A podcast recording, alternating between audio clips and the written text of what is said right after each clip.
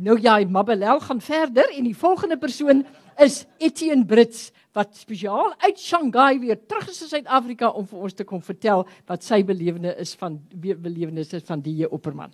Welkom hier by ons terug Etienne. Goed, ehm um, dames en here, ek het uh, soos die meeste sprekers vanweë my ouderdom eintlik alles vergeet wat ek wou gesê het. en uh, maar ek het dit opgeskrywe. So ek sal dit moet voorlees. Ek onthou daar's 'n begin, 'n middel en 'n einde. En die, al die drade kom so af saam in die slotsin, maar dis verder kan ek niks onthou nie. Ehm um, 'n ander rede hoekom ek dit moet voorlees is ehm um, Dorothea het ons vreeslik uh, oor hierdie 10 minute wat ons het.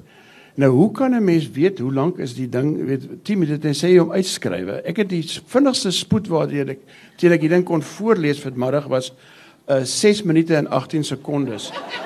Ehm uh, dit het my nou die gerustige gevoel gegee dat ek dit kan waag. Uh, dat ek of liewer dat ek liewer dat ek dit voorlees. En dan kan dit 'n bietjie rustiger vat as wat ek gedink het. Goed. nou kyk, ons kyk wat staan hierso. Dames en here.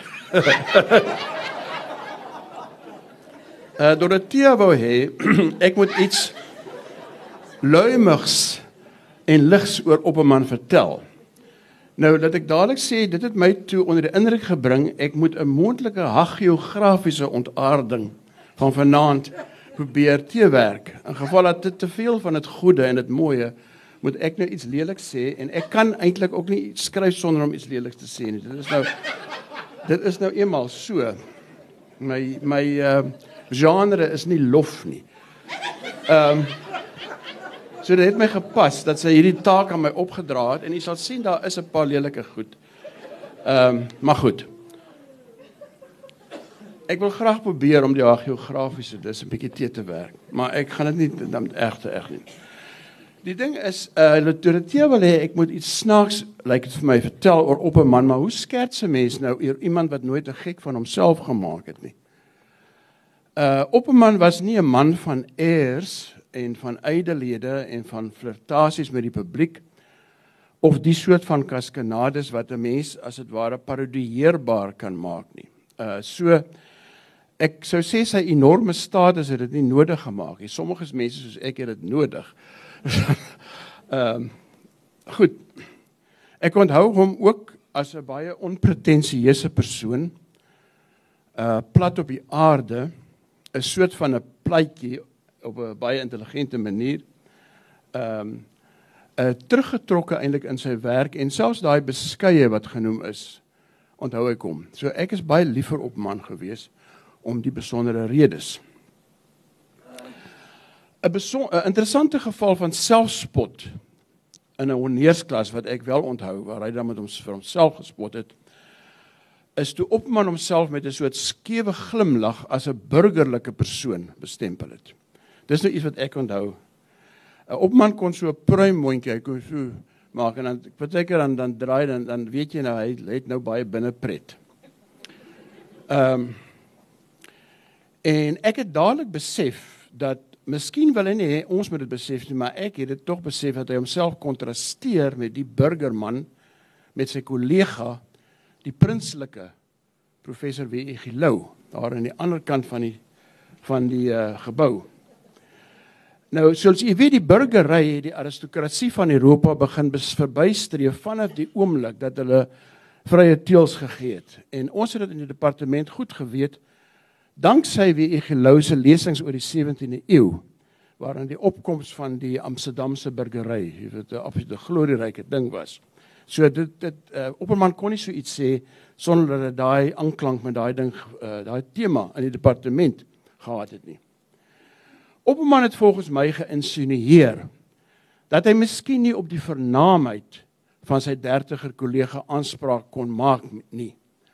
Maar dat hy as burgerman selfs as 'n dorp so dorp dorpenaar uit die jare 40 dalk tog die beter digter kon wees. Dat die ding dis verloop het soos in die 17de eeu in Amsterdam. Wat anders kon die skewe mondjie nou beteken het? Opperman was egter geen uh figure of fun nie. Baie van ons letterkundiges is 'n figure of fun, maar dit was hy nie. Waar is my plek nou? O ja, nogtans het Opperman 'n Achilleshiel gehad wat hom kon blootstel aan die soort spotters wat so graag oor die aristokratiese wie gelou uh, gelag het. Sy uh, Achilleshiel was die magsposisie wat sy genialiteit en sy status met die tyd aan hom besorg het. Dit was die Achilleshiel. Opperman was nie soos Pieter Bloem, ook 'n geniale digter, iemand 'n genie wat vanuit die marge van die Afrikaanse bestel toegekyk het wat gebeur en dan daaroor geskryf het nie. Nee, Opperman was die bul naas die ander bul van Wyklou. Ek dink dit al sy eie woorde. As letterkundige was hy die leermeester, keurder, bloemleser van ander digters. Kortom, die groot tycoon van ons literêre stelsel in so mate dat hy in sy in, in die, die bundel Komas en uh, dit da, ook daarmee gewerk het. Tycoon het hy homself genoem. Nou om hierby te pas, was hy effens geset. Hy was die sogenaamde bonkige Zululander by al hierdie dinge.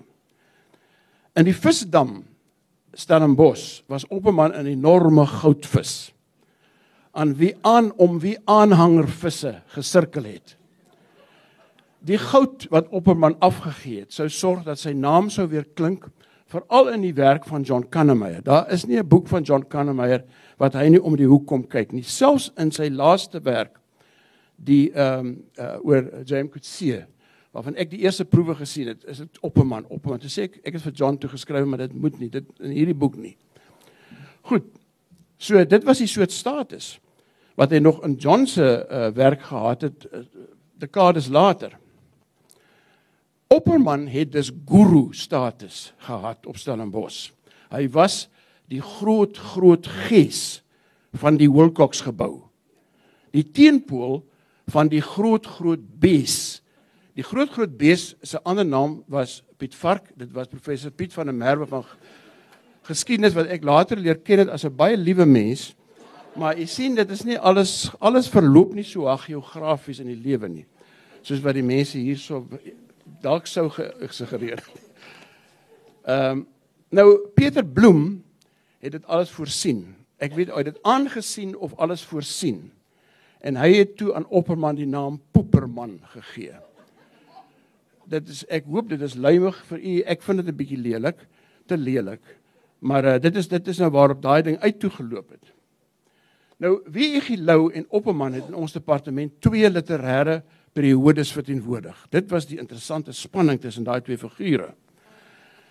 Die die 30ers was Lou eintlik die ikoon van en dan die reaksie teen 30 was Opperman die ikoon van. Daarom as jy terugdink wat ek nou in die begin gesê het oor daai opmerking hy's 'n burger, burgerman. Die twee professore het bepaalde troetelterme ook gehad waarmee hulle hierdie eintlik uh, onderliggende konflik tussen hulle uh, uitgespeel het. Lou het gepraat van die gedig byvoorbeeld as bewoe spreuke met daai lekker Nederlandse klank ook nog daarbey.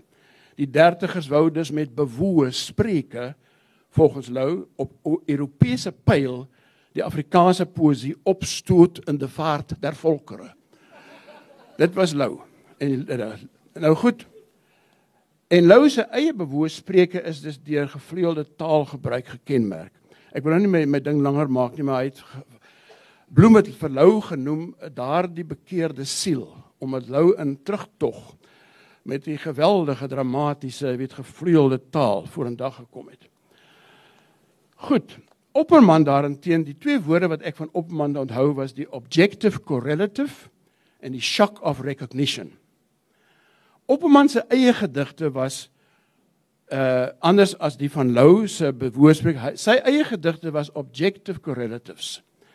'n correct 'n correct 'n objective correlative is 'n voorstelling van iets groters as homself. So daar's daar skuil groot groter sake agter daai beeld.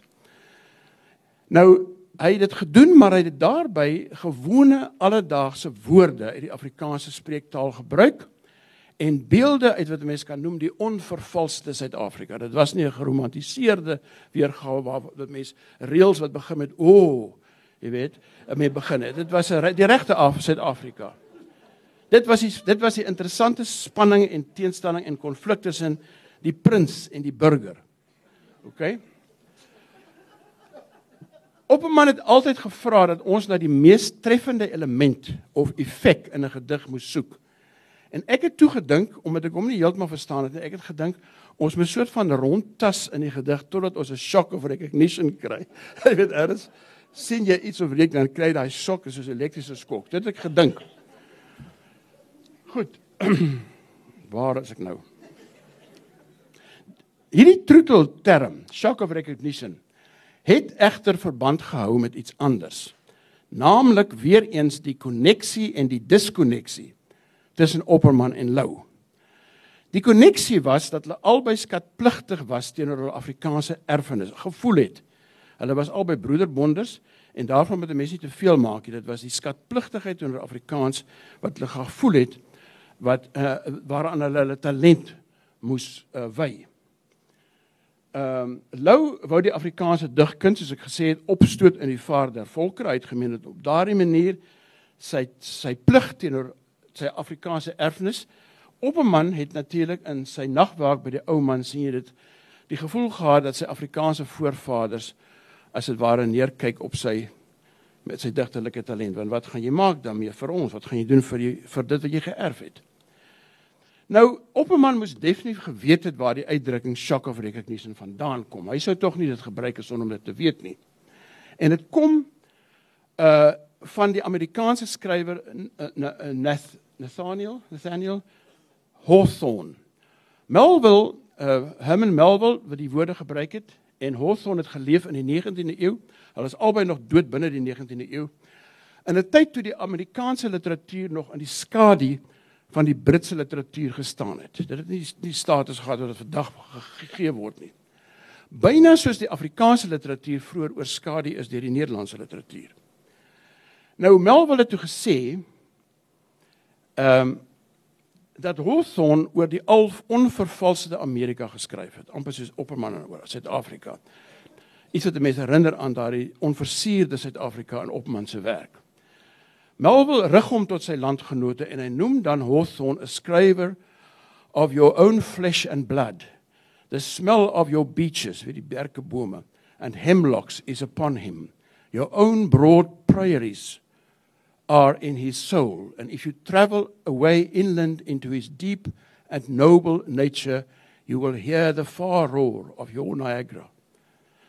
Nou nogtans, ten spyte van die feit dat dit die onvervalste Amerika is, soos dit die onvervalste Suid-Afrika, skryf Melbourne besef dit die leser met 'n shock of recognition dat Hawthorne se werk 'n genialiteit vertoon wat oral in die wêreld erken sou word as genialiteit. Genius all over the world stands hand in hand and one shock of recognition runs the whole circle round.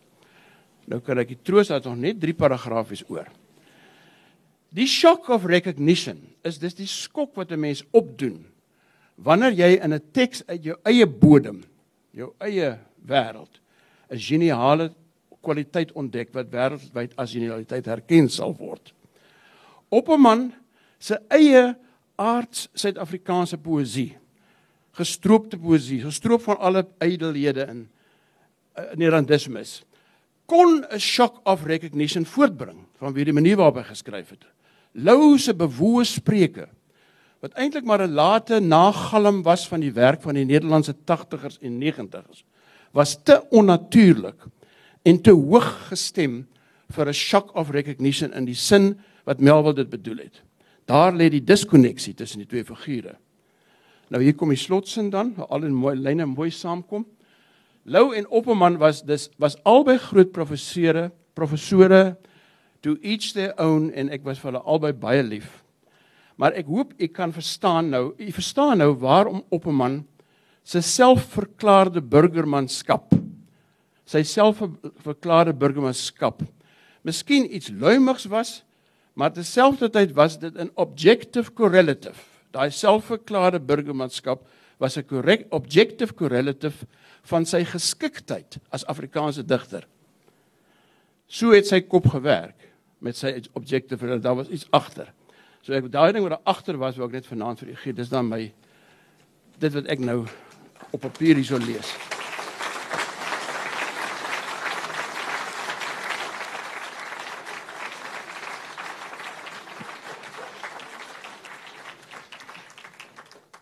Baie dankie Etienne. Dit was nou weer heeltemal 'n ander blik en ek moet dan sê dit was nou werklik nooit my bedoeling om ar, om Opperman bespotlik te maak vanaand nie. Wat maar uh, ek dink wel dit is so dat Opperman het geweldig verskillende keerkante en jy sou ook 'n heel droewe verhaal kon vertel wat Etienne beslis nie gedoen het nie. Etienne, baie dankie. Ek dink dit was 'n baie interessante juxtaposisie hier van die twee professore soos ons hulle meegemaak het in ons uh, tyd en ek moet dan sê Etienne, ons sal eendag Etienne Brits aanhou want ek dink daar is die wonderlikste stories wat jy dan kan vertel.